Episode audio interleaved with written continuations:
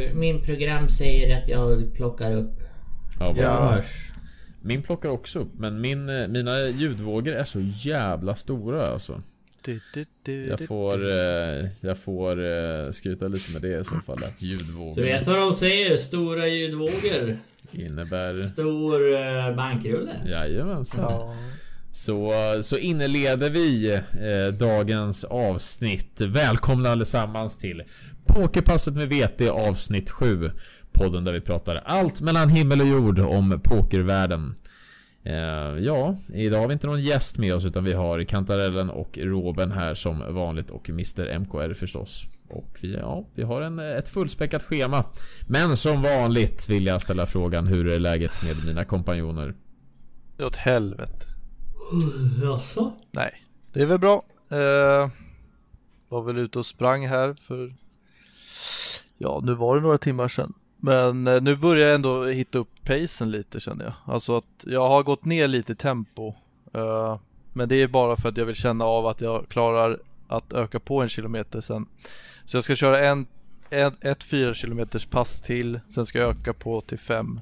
Och så kör jag det. Och sen blir det sex kilometer, sju.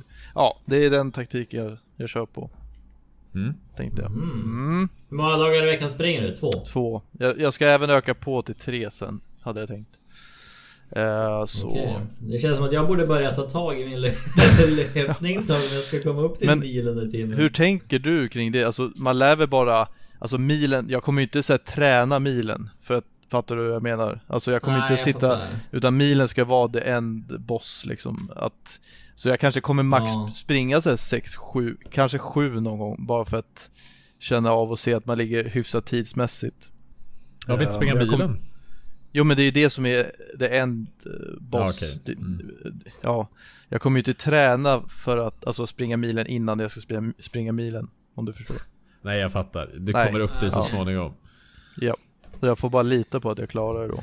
Jag, jag, Ja. jag tror att det var ett lopp typ. Någonting som du hade planerat in så att du liksom Nej, skulle träna det blir Robben och mitt lopp i Alby här nere då. Troligtvis innan SM, Åh. innan vi åker. Fy Fy fan, fan. du skulle bli Det- ledsen om jag sprang ifrån dig alltså. Jag sprang här nere i Alby nu och det var så här upp och ner lite. Det är jobbigt alltså för benen.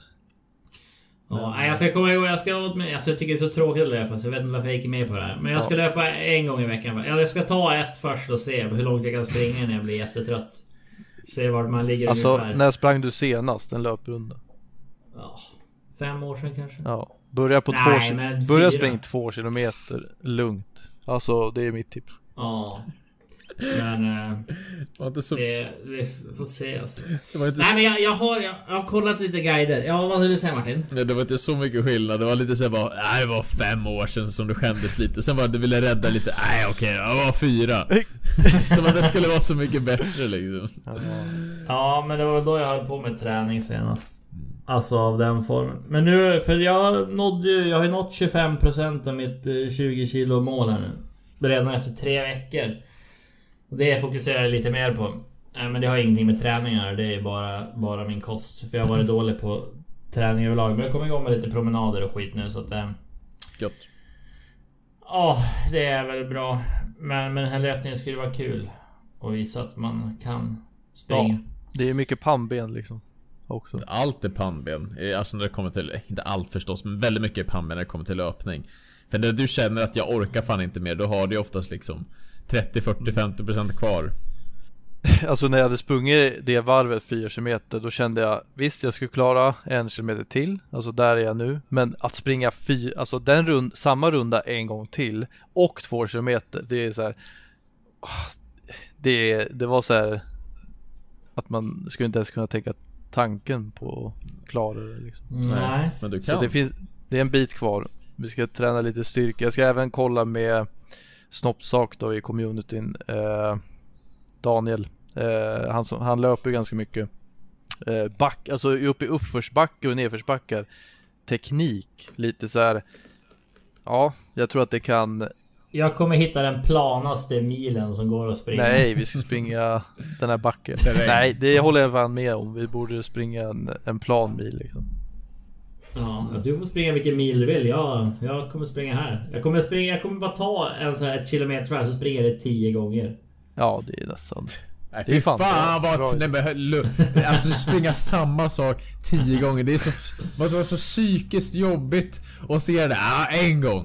Två gånger. Tre. Nej, det- det hade aldrig gått. Usch. Fy, jag spyr över tanken. göra det. Jag skulle nästan kunna vara med och göra den där grejen bara för att... Ja fast jag vill fan inte springa alltså. Jag har andra bett som jag gör. det är ingen som vill spela. Det är så fruktansvärt tråkigt. Men eh, det, det ska bli av. Sen, det är inte säkert man klarar det men... Det enda jag bryr mig om egentligen är ju viktbettet så att säga. Eh, Mm. Men, men det, där känner man att man ligger i fas. I alla fall. Ja. Ja men det är bra. Det är bra. Eh, ja, det är jävligt Yes, bra. Precis. Det. Mitt viktbett, eller viktbett, jag har inte viktbett men jag har ju ett träningsbett i alla fall. Men jag ska träna fyra gånger i veckan och jag har gått upp från 67,5 till att idag väga 75,5. Det Eh, nu är det förstås, ja men det är mycket vätska förstås och allting sånt där men man äter mycket mer. Det här är typ så här tre, tre och en halv vecka sedan vi gjorde senaste bodyscannen.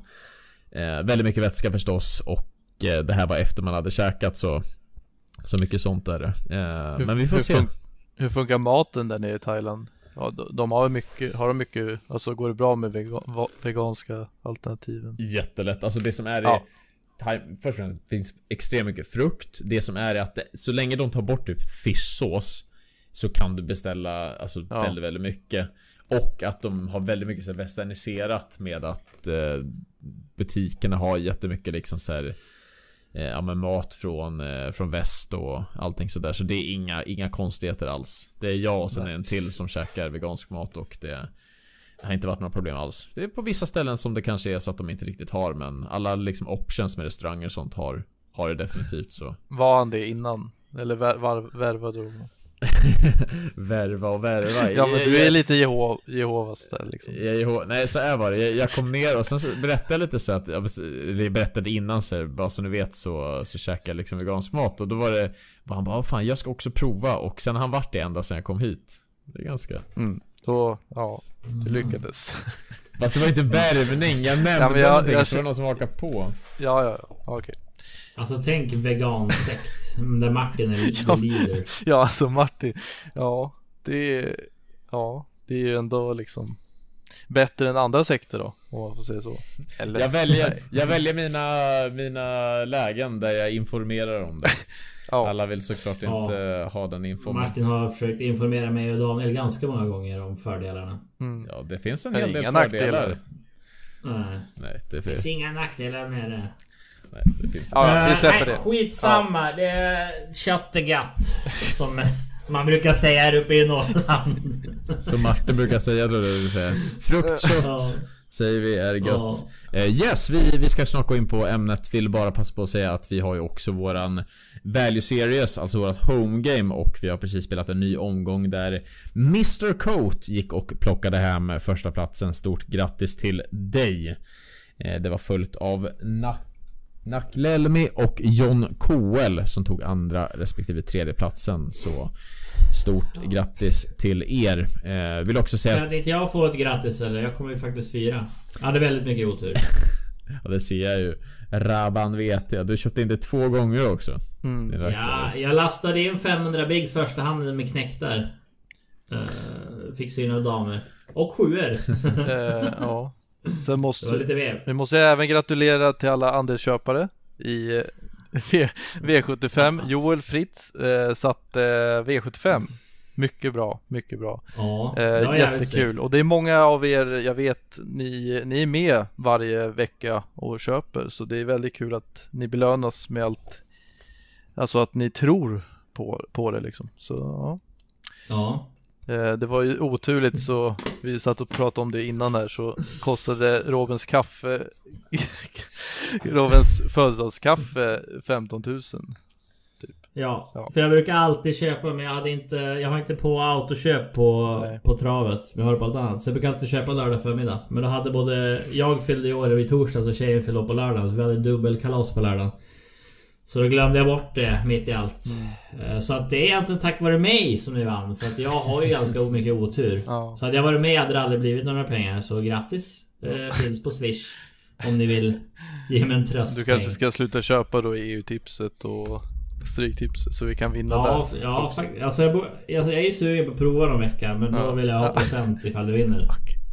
Fast Vi det får kommer- lösa något. Det kommer inte räknas, det är det som är problemet. Du måste bara vara out of it Robin. Helt och hållet Mm, ja. liksom, så att du får lite smärta. Nej, men, men så är det. jävligt. Så är det. Eh, Jag tänkte också passa på att säga bara med homegamet för de som inte vet. På söndagar klockan 19.00 så kör vi en omgång av Value Series, vårt homegame på Puff. Eh, Där det kostar 11 euro att vara med. Vi har en 600 euros garanti. Som liksom, det blir alltid 600 euro i potten oavsett hur många som är med. Eh, inte oavsett hur många som är. Är det så att man blir fler så läggs det på. Så blir man 61 inköp så är det 610 euro. eh, På det. Och det kostar alltså 10 euro att med och inte 11. Ja just det, förlåt. Det är, på, det är när du spelar på Pokerstars som det är 11, så här är det 10. Ja. Mm. Exakt, så så är det. Eh, Allting finns på vår hemsida väldigt.se finns det nyheter man kan klicka in och där finns det info. Det är merch till vinnaren. Det är lite, lite vinster och sånt om det är så man plockar hem ranking-segern eller om man kommer två eller trea. Eh, och vill man också skapa ett konto på Paf så kan man göra det via valuetown.se så är man med och stöttar Valuetown. Då får man även en eh, Ja, en kortlek eller t-shirt om det som man signar upp och eh, fyller i informationen via den länken som finns där i nyheten. Så ja. Ja. Med det sagt eh, så ska vi gå in på dagens ämne. Eh, som är, eh, det kan, alltså det är väldigt, väldigt bra info med det här. Det är någonting som man fortfarande ständigt jobbar med men som är väldigt bra för de som är nya inför poker och som vill bli bättre. Och det är hur viktigt position är i poker. Hur viktigt det är att ofta spela i position, eh, hur det kan försämra och spela ur position och egentligen bara fördelar och nackdelar. Eh, vi tar upp hur man kan exploita, alltså hur man utnyttjar eh, motståndarna baserat på position. Eh, vi kollar om det finns några skillnader mellan turneringar och cash game.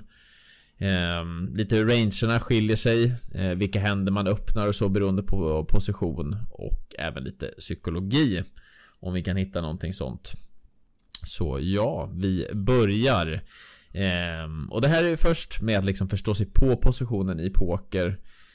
Ehm, vilka olika positioner finns det på bordet och hur skiljer de sig? Finns oftast. Man kan spela heads up förstås. Man kan spela 6 max.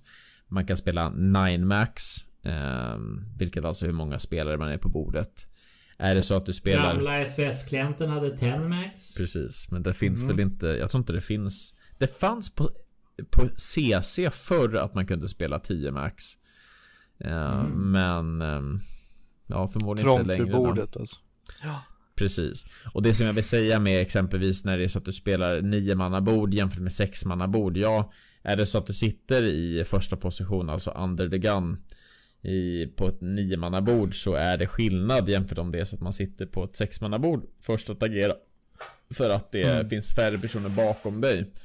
Eh, så du behöver i så fall vara tajtare på ett eh, niomannabord än vad du behöver vara på ett sexmannabord. För där får du in mer händer och det är färre att ta sig igenom för att eh, kunna sitta i positioner och väl ska spela postflop.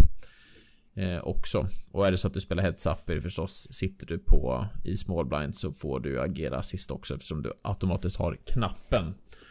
Ehm, så det är de som skiljer sig och det är alltså knappen den personen som alltid får agera sist så länge som det är så att man är med i potten. Annars är det alltså den som är närmast knappen åt, åt höger. Borde man säga att det blir.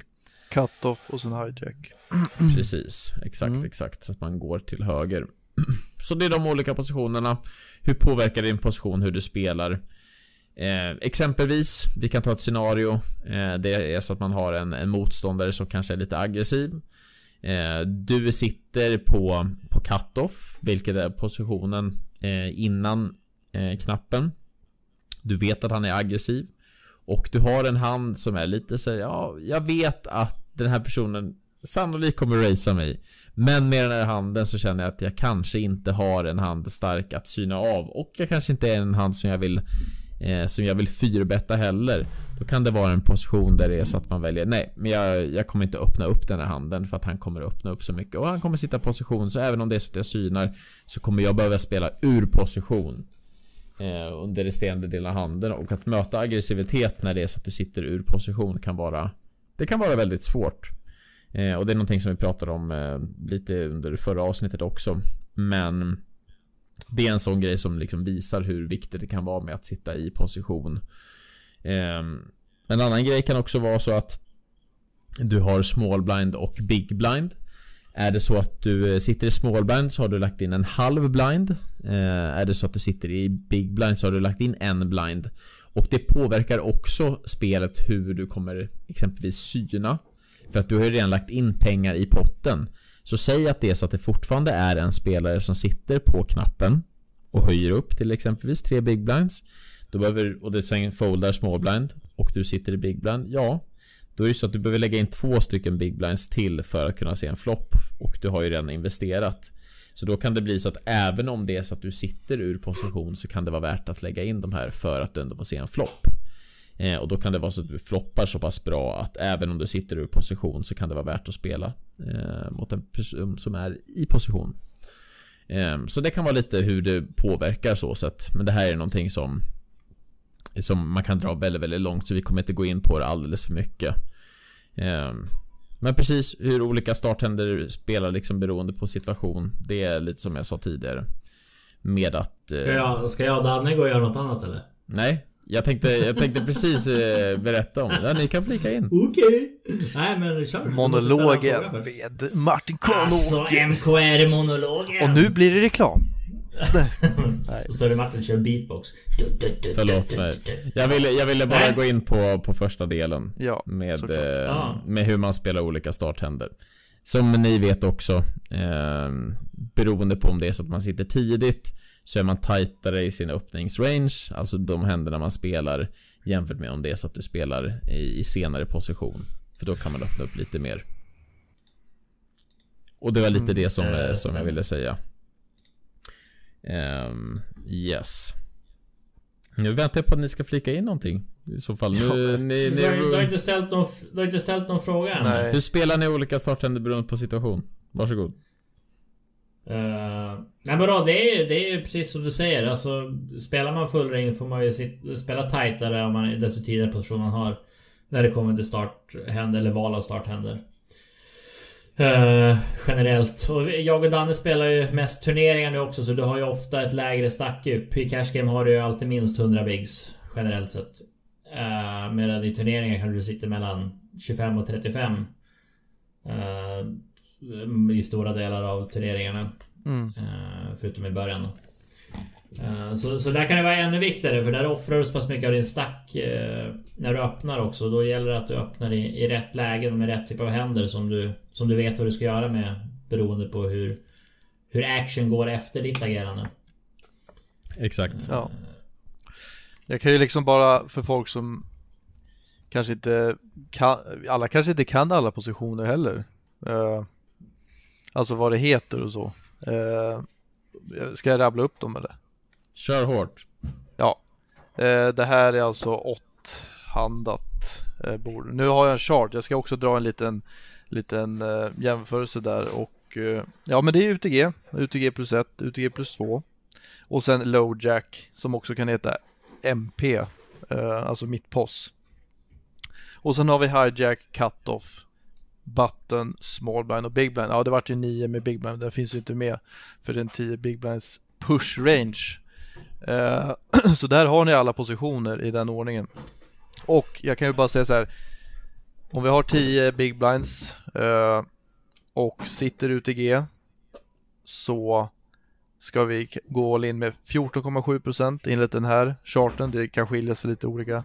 Och sitter vi small blind då ska vi ställa 71 procent. Så att ni förstår att eh, ju tidigare position, ju tajtare måste vi vara och ju senare desto mer lösa. För att folk har foldat liksom och att vi, vi man öpp, ha, ja, öppnar upp rangen helt enkelt. Eh, så det är lite så här allmänt kanske. Och sen skiljer det sig eh, hur stackdjupen är. Nu var det 10 big blinds men sen skiljer sig det 20, 30, 40 bigs, 100 bigs och så vidare. Men det där finns ju jättebra hjälpmedel att titta upp om man känner för det. Precis. Eh, för det är lite med range och sånt där också. Det kan vara exempelvis om det är så att du har en, en short stack och du sitter med 10 big blinds. Ja, då kan det vara så att du, du ställer samma hand eh, ut i G som du skulle ställa eh, Som du skulle ställa på knappen. Säg att du liksom har 9 eller någonting som, sånt där du ställer oavsett. Eh, Ja. Vilket såklart är skillnaden. Då kanske, eller säg att det liksom är 7 eller 6 eller någonting sådär. Det kanske är så att du skulle folda den ibland i liksom UTG. Men om det är så att du sitter på, på knappen. Säger att du sitter 50-60 big blinds. Då, då öppnar du den. Eh, så sett. Ja, det här tycker jag också är intressant som du skrivit, eh, hur man ex exploitar motståndare baserat på position. Eh, och det här tycker jag väl är tydligast live kanske. Eh, det är klart vissa turneringar online också. Eh, Men reads på folk är det. Ja, och framförallt lite mer djupstackar skulle jag säga att man kanske ska välja sina spots lite mer varsamt. Eh, vi säger att du har, du sitter, du sitter på eh, ja, hijack. Du har en hand som du tycker så här, ja men den borde jag öppna och sen kommer du på vilka två eh, aggressiva spelare du har eh, till vänster om dig, alltså cut-off-knapp. Vilket betyder att de kommer spela position mot dig. Så vi säger att du öppnar eh, vad fan ska vi ta? Knäckt 8 suit. Eh, ja, då kanske det blir syn 3 bet. Ja, vad gör du då liksom? Då sitter du där och då har du bränt upp dina marker. Alltså om, det, om du tänker att det scenariot kommer hända ofta. Däremot har du en read på att du har väldigt tajta spelare till vänster om dig. Då kan du öppna upp mer. Alltså det är väl den så exploit-grejen. Sen finns det ju charge vilka händer du ska öppna och inte öppna. Men den kan ju anpassas exploativt, alltså beroende på motståndare till vänster om dig.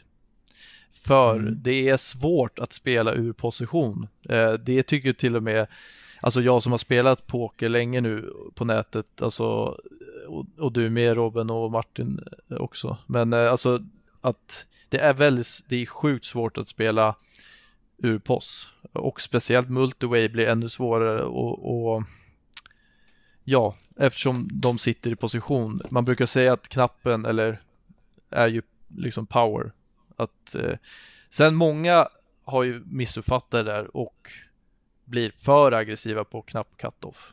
Och det kan, ju, det- kan man ju straffa tillbaks med Alltså märker du att de är väldigt, väldigt aggressiva och trebettar väldigt mycket i cut-off-knapp Då kan man fyrbetta. Men det är ju oftast när du sitter väldigt djupt och det gör inte så ofta. Det är klart det går att fyrbetta från 25-30 BB-stackar Men det är, det är inte så vanligt liksom. Det är svårt, alltså Det blir ju, det blir ju liksom att du ställer all in Typ. Och då blir det liksom De kan ju fortfarande hitta händer så att eh, det är väl lättare att fribetta djupare och det är väl därför jag tycker att live slash lite sådana här bra långs långsamma turneringar blir extra viktigt att veta vad, ja, vad man ska öppna helt enkelt. Och så. Och det är där det är inte. skillnad Ja, på turneringar och cashgame också. Som vi nämnt tidigare med att du kan Ja. sitta mycket djupare. Liksom en 3-bet och en 4-bet eh, när du sitter i cashgame och liksom en 4-betta till 27 big blinds. När det är så att i en turnering så kanske du ofta sitter med 25 30-35 big blinds vilket gör Ja. att du har inte samma flexibilitet med eh, liksom att du kan eh, fyrbetta eller för du kanske måste Nej. ställa då. Så Och då vill man ju ha- liksom, mm, då vill man ju ha en bra fibershand och det är också svårt att eh, kanske få varje gång.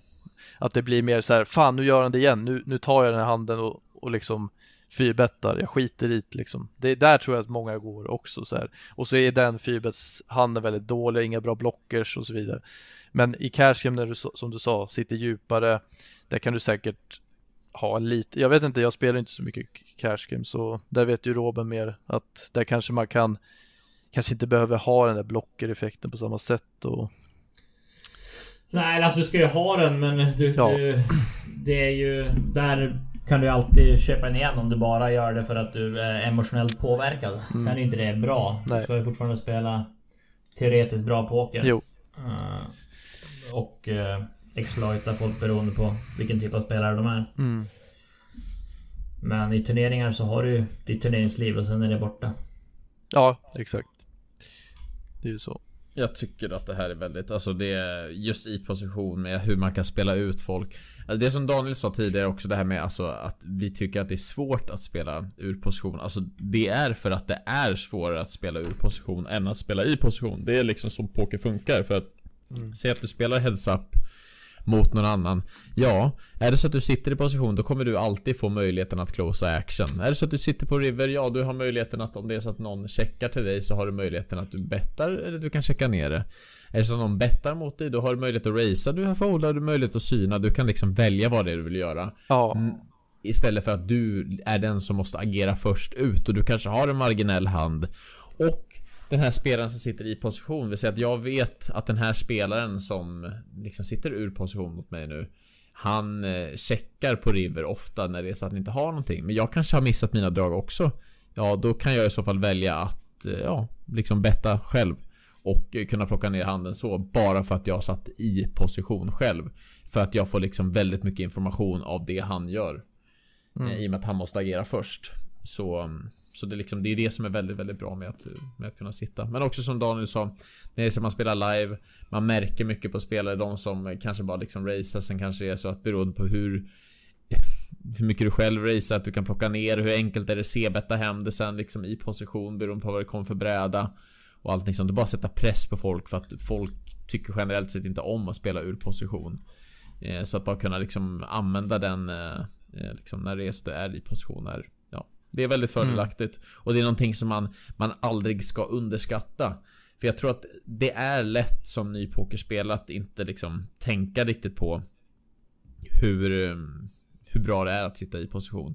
Så fundera det och eh, tänk också hur era ranger påverkas beroende på vilken position ni sitter i. Ja. Man öppnar inte samma händer UTG som man gör i, eh, på knappen och det har att göra med för att är det så att det foldat sig på knappen, ja då har du foldat liksom sex personer. Men är det så att du ska öppna UTG, då har du åtta personer bakom dig. Som kan göra vad som helst. Det kan vara så att det händer fem personer synar dig. Det kan vara att det blir en fyrbett och du sitter där liksom med en marginell hand. Ja, du kanske kommer få folda en ganska stark hand för att är det så att någon höjer mot dig när det är så att du sitter i tidig position när du ska ha en ganska stark range. Ja, då kanske det är så att din hand inte är eh, liksom ganska stark längre. Eftersom det kallas för relativ handstyrka. Eh, även om den handen är ganska stark. Så det är så som det funkar. Och som vi nämnde mm. tidigare mellan turneringar och cashgame så, så skiljer det sig väldigt mycket i och med att du kan sitta väldigt, väldigt djupt i cashgame. Eh, jämför, eh, jämförelsevis med turneringar att man oftast inte gör det själv. Eh, men det har vi nämnt lite tidigare. Eh, ja. Ja, alltså... det var en grej jag bara kom, kom på lite så att Sen beror ju också lite på, alltså sizing hör lite ihop med position också att typ eh, exempelvis om jag liksom tre bettar med 30 bigs i POS så vill jag kanske använda 3x eller vad, vad säger man 3x i 3 bet size. Alltså mm. om någon höjer 2 så vill jag höja till 6 bigs. Medan sitter jag ur mm. POS så vill jag kanske använda eh, ja kanske inte 8 i 30 BB stackdjup så där beror ju stackdjupen på också lite. Eh, men ja, där har jag också en, en, grej att eh, man behöver inte vara lik, alltså man har mindre size oftast i POS medans alltså bara det här trebettandet eh, och eh, ja, så att det det var bara något jag ville inflika men du hade ju något du skulle jag? Ja, säger jag innan det. Nej, jag tänkte mer att det här kan man ju prata om i, i, ja. i timmar också. Gå igenom exempel för exempel. Mm. Uh, för, för ämnet i sig är ju ganska komplext.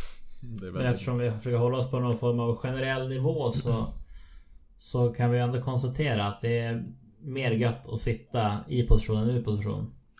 Precis. Uh, och det, det är väl viktigt att folk, speciellt nya, tar med sig att eh, ja, ska man spela lite mer spekulativa händer eller sådär då är det bättre att ha position för att då har du möjlighet att göra om det till bluff eller vad du nu vill göra.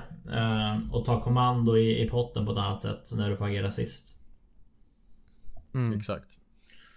Jag tror att... Eh, alltså vanliga misstag när det är så att man eh, när man liksom inte kan jättemycket och man spelar mycket ur position det är att man man ofta ser betta för mycket, man checkracer alldeles för lite.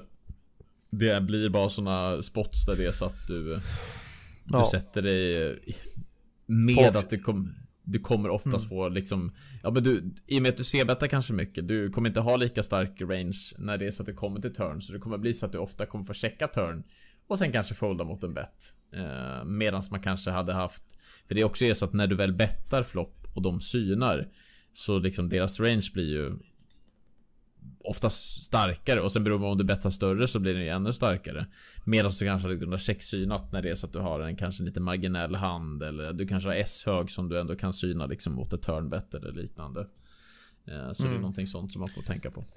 Det där tror jag också är ett stort problem som just som du sa att det är väldigt värt att uppmärksamma att, att folk ser betta alldeles för mycket ur POS. Mm. Alltså det är du, ja, man kan ju, jag vet att jag har suttit någon, med någon gång och kollat lite men och sett lite eh, så här, studiematerial att ja, man ska ju checka väldigt, väldigt mycket, speciellt i tidiga positioner. Om du har höjt upp UTG, fått en flatt från MP, alltså typ sådana situationer. Alltså du vill ju checka väldigt mycket, alltså på, på flopp.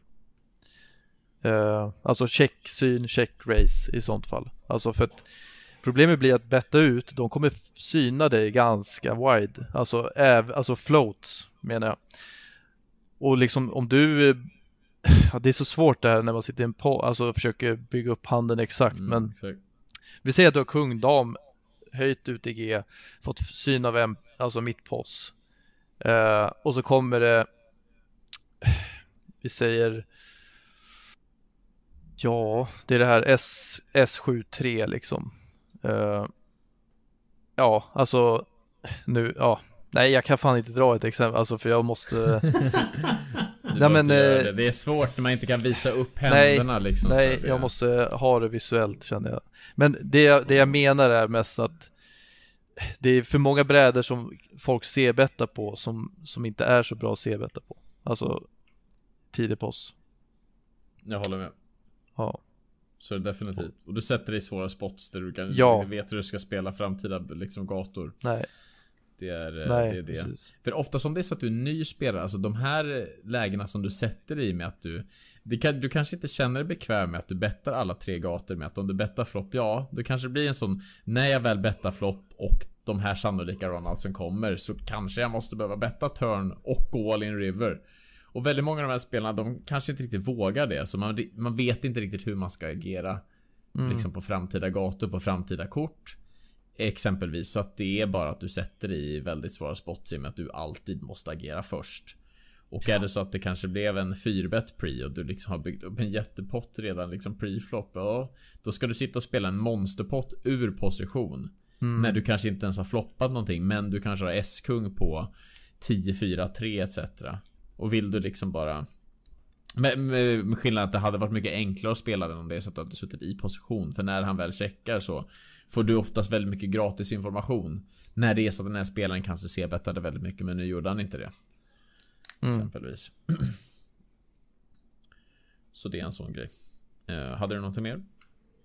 Nej, inget som jag Yes. på. Eh, Robin, flika in någonting? Nej, Då har inget. Det är väldigt capat, alltså så här, det är det med här att- ämnet. Nej men alltså, Ja, det är svårt att lägga till jättemycket utan att ha massa djupa diskussioner som vi absolut inte borde ha. Dels för att jag inte behärskar dem och för att vi mm, vill ligga på Det en kan- liten grund, Exakt. mer grundläggande nivå. jo. Exakt. I position, livet är bra. Ur position, livet är skit. Ja men precis. Om man inte floppar set. Exakt.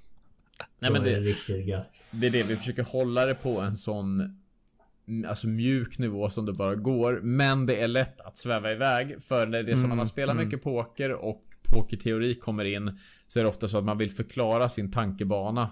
Eh, Så det är det som är lite annorlunda när det är som man pratar poker igen. För då man pratar liksom om baka bröd eller vad som helst. Man kanske kan göra det på någon jättehög nivå också men Ibland vill man visa upp lite sin, eh, sin tankebana.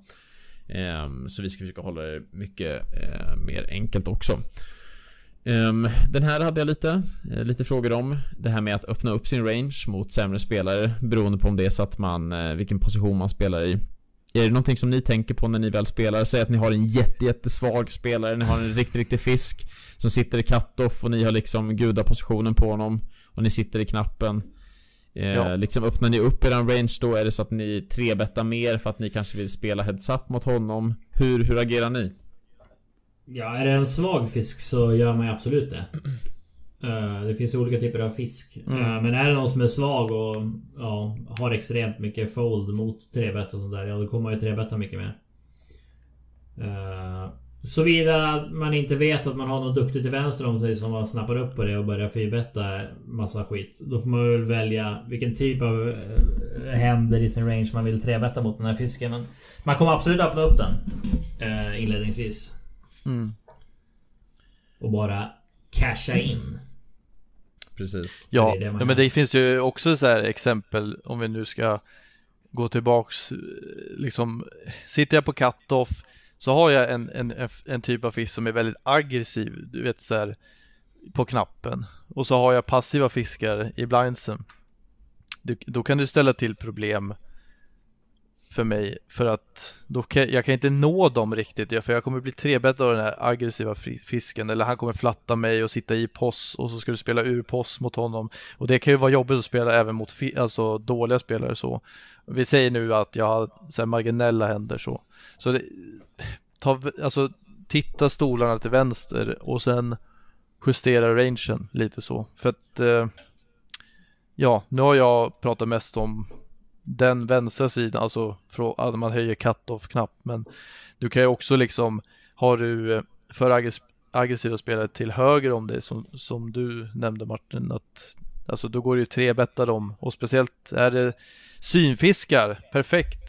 Eh, samma sak om de har limpat in late post, alltså på hijack och du sitter cut-off, ja men gör 3-4x och spela post, alltså då får du bort blindsen oftast och spelar 4x pott och han synar ju ja, eftersom han är synfisk och sen kan du, sen är det väldigt lätt jinx men det är väldigt lätt att spela ut dem på, på flopp liksom. Ja. Eh, så ja, alltså position är ju extremt viktigt liksom men det går verkligen att dra det i flera olika träd eller vad man ska säga, jag vet inte riktigt.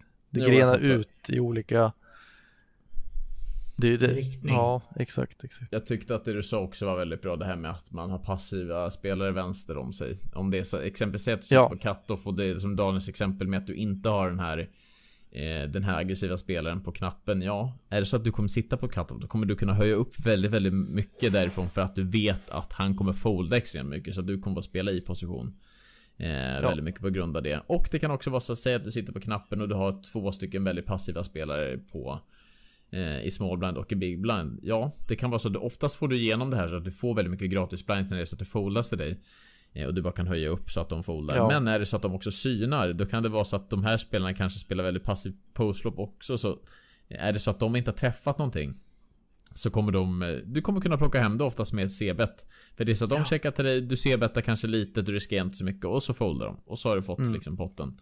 Mm. Mm. Det är gratis. Så det är också liksom det bra med att eh, sitta i position.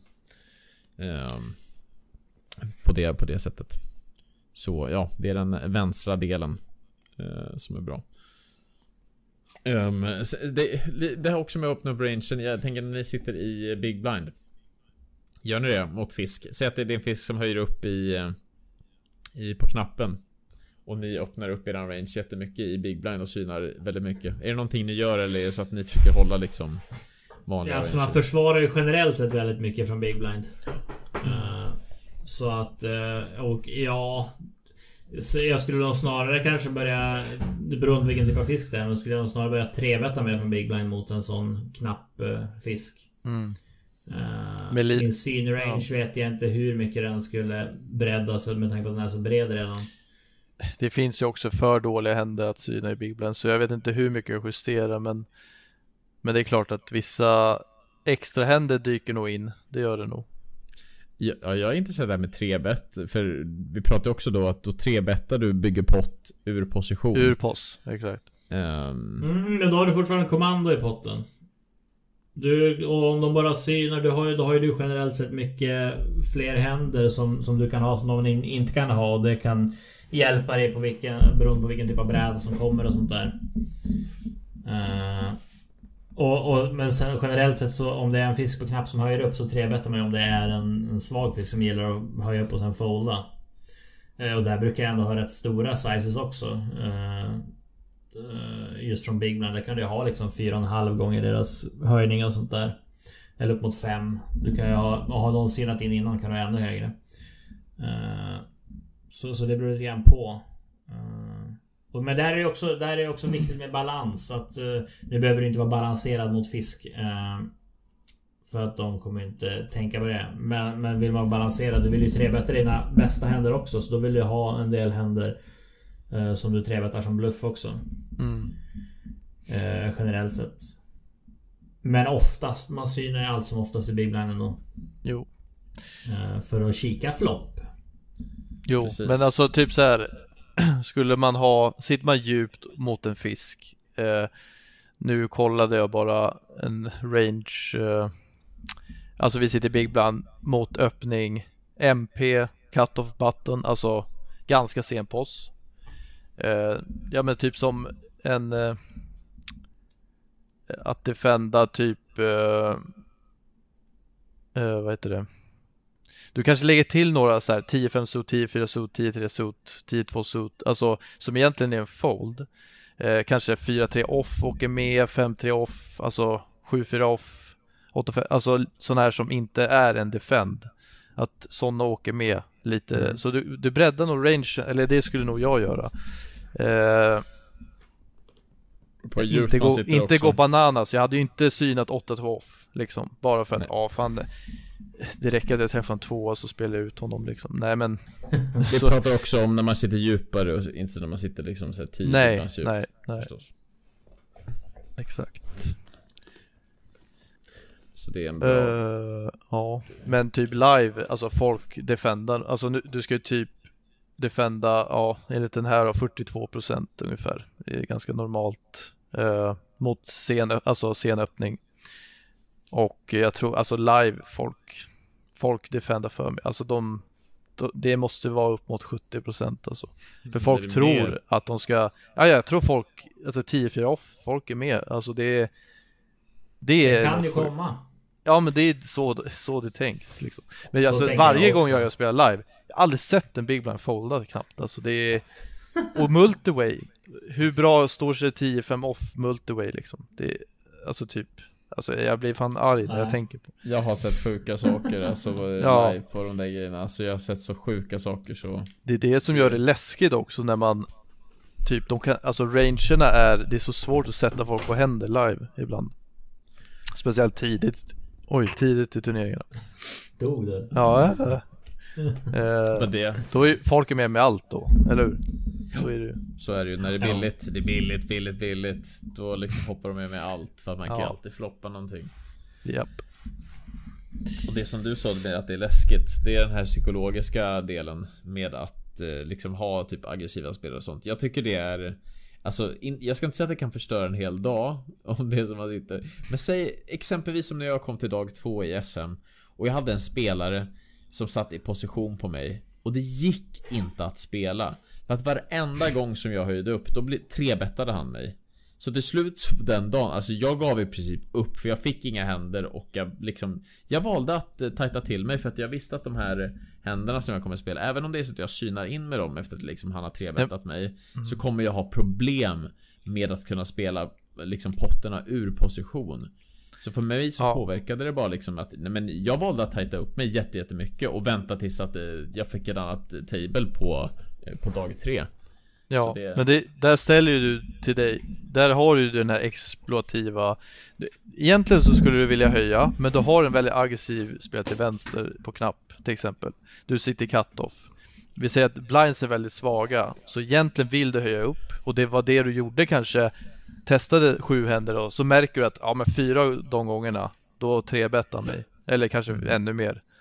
Och då, då får man ju ställa sig frågan innan man, när man tittar på handen kommer jag syna en 3-bet kommer det vara lätt att spela ur post. Exakt, exakt, exakt. Så det var ju den, den tankegången du gjorde, alltså ställde dig själv och ja, det, det, det är så man måste jobba tror jag. Ja men det precis, för det är också när det är så att du sätter de här spotsen, då kan det vara så att ja är det jag floppar ett färgdrag mot den aggressiva spelaren som också kommer se betta väldigt mycket och allting så ja, kommer jag vara villig att vilja liksom checkställa floppen eller kommer jag vara Ja. villig att syna ner med den här handen etc om det så att jag floppar någonting. Mm. Så det är sånt man, man kommer behöva ställa sig. Att det är så att när du väl, alltså liksom sätter de här sitsarna att ja, du kanske kommer behöva ta liksom väldigt svåra spots. Eller du kommer behöva ta spots som du kanske inte vill. Så det kan vara bra väldigt liksom Ja men när det är så att du öppnar handen, att du verkligen bestämt dig, ja men hur kommer jag kanske vilja spela den här handen? För att det kommer förmodligen hända på det här sättet, att han kommer trebetta mig. Och kommer jag syna då? Nej, det, det kanske är så att det är, då skiter jag i att öppna den här handen istället. För att jag liksom bara förlorar tre big blinds eller två och en halv big blinds på att göra det. Mm. Så sånt är det. Så jag tycker att det är, alltså det är skitsvårt alltså. Framförallt när det är så att du spelar liksom cash game och verkligen när man spelar Omaha. För när det är så att eh, equity liksom så här Eh, liksom springer så, så close så det är skitsvårt. Är det så liksom du är trebettad och liksom ska jag fyrbetta med den här handen och sen så synar den här personen min fyrbett så att den får spela i position och så har vi byggt en jättepott redan då. Och sen så träffar jag liksom, sä- säg så här, vi, vi tar ett exempel. Jag har SS. Eh, jag har bara nakna SS liksom. SS eh, 7, 3 eller någonting sånt där med en sot. Och sen så sitter vi 100 BB djupt. Ehm, jag fyrbettar eh, och han synar och potten är, ja men liksom den är på ungefär eh, 57 big blinds eller vad det blir. Och vi har nästan SPR 1. Och sen så kommer floppen Kung 10 7. Och det är lite så här, ja den här spelaren, jag vet att han synar så otroligt mycket men den här, den här liksom brädan träffar honom så otroligt bra. Men jag sitter fortfarande med SS här. Och då kanske det blir så här, ja jag vet inte riktigt om jag vill riskera den här spotten så jag väljer att checka. Och då kanske han sitter där liksom med naken eh, damknäckt, eh, någonting någonting och bara väljer liksom att bomba bort mig. Och så tappar jag all min equity som jag har med SS. Bara på det. Och det kan vara en sån sak som är Alltså det är skitsvårt att spela. Då kanske att man, jag, jag väljer att köra andra liksom starkare händer. Och att jag kanske bara väljer att syna hans trebet med just de SS eller liknande. Det kan typ vara sådana saker också. Inte liksom att det här var ett perfekt exempel men jag berättar bara ungefär hur liksom händer kan spelas. Så att man också kanske ska besluta att om det är så att de här typerna av brädorna kommer att jag vet ungefär hur jag kommer spela dem. Så att det inte är så att du lämnar liksom equity på bordet när du vet så att en aggressiv spelare kan betta bort dig. Med liksom väldigt mycket bluffar och liknande. Eller semidrag. Ja, ja men exakt. Och sen, sen, sen så måste vi också poängtera att position på finalbord betyder mycket. Alltså, ja, där, där tror jag också folk gör extremt mycket misstag att ja men rangen är så här att jag ska öppna det här. Men det man inte tänker på att vi säger att du ligger chip 3 så har du chip 2 chip 1 till vänster, alltså till vänster och de, vi säger att de är duktiga, de har okej trebetsfrekvens eller de flattar det mycket, alltså de kan punisha det så jävla hårt och med din Ja. stack kontra andra stackar på bordet. Det du kan göra det är bara så, precis som det exempel du berättade om. Det är bara alltså tajta till rangen och sen gå, när du väl har något så då går man liksom med det. Då får de ju ta en fyrbett liksom med vissa händer. Eh, Nu, nu tänker jag turneringsstackdjup, typ så 30 bigs och ja, nej men det, det är så här eh, finalbord, många gör nog väldigt mycket misstag, alltså positionsmässigt.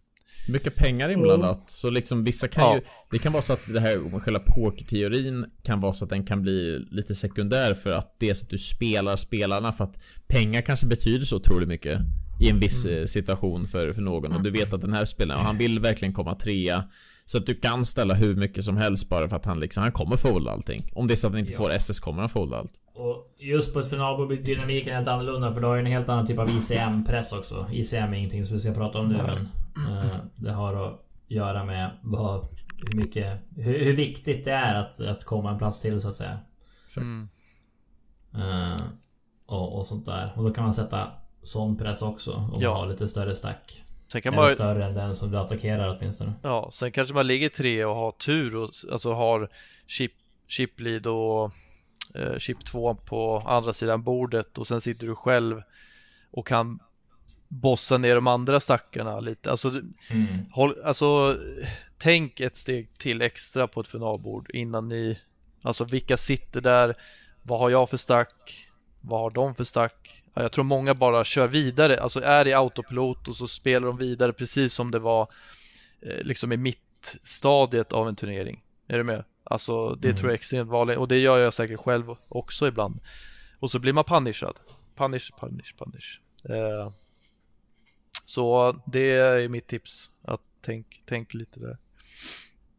Exakt. Och då får man, då får man liksom vara nitt då. Alltså det är inte, man kan inte göra så mycket. Du, Nej, det är det som är rätt just i det läget. ja, Precis. exakt. Så det blev inte bara vilken position, om det är så att du spelar ur position eller i position, utan den positionen som du kanske är i, i vissa spots, också hur viktig Ja. den kan vara. Beroende på Jo. vilka spelare man har runt sig. Mm. Eh, Så så är det. Eh, Vill också bara säga att vi är som sagt inga pokergurus just kring teorin så eh, vi gör vårt bästa för att eh, liksom berätta hur viktigt det här är. Eh, Eftersom det är väldigt viktigt och vi vill nå ut till den breda massan så vi hoppas att ni lärde er någonting om hur viktigt det är att sitta i position och att det kan stöka till det när man spelar ur position. Men såklart, man kan inte undvika alltid att eh, spela ur position utan man måste ta de spotsen ibland också. Eh, men vi hoppas att ni ska ta med er eh, det allra mest värdefulla och att ni kan använda det i ert game. Martins radioröst. Jag, Det är det. Ta med den. Och nu blir det Så är klara alltså. det är så varmt här är inne. Jag måste stänga av, jag måste stänga av Åh AC'n. nej, jag är i Thailand och det är så varmt och det är så jobbigt. Ja. Jag ligger i poolen fem timmar om dagen. Nej, det hinner jag Åh, Åh, inte. jag drack en cerveza, en liten, en liten god öl och så tog jag mig en liten frukttallrik för fyra baht. Åh, den är jag sponsrad av, men mitt liv är tufft. Käften Martin! Du älskar ju, du Slå bor i Umeå. Det finns ju någon anledning varför du bor i Umeå. Du älskar ju snö Ja. och kyla. Ja, jag, jag gillar ju när det är rikligt med snö. Eller ingen snö alls, det ska inte vara slask. Det är tråkigt. Nu är det slask eller? Eh, ja, nu... Ja, jag gick igenom isen här i helgen. Eller jag gick igenom, jag gick igenom första lagret. Det var inte hela vägen. Men det börjar bli skiktningar i isen nu, isen så det är massa vattenlager emellan.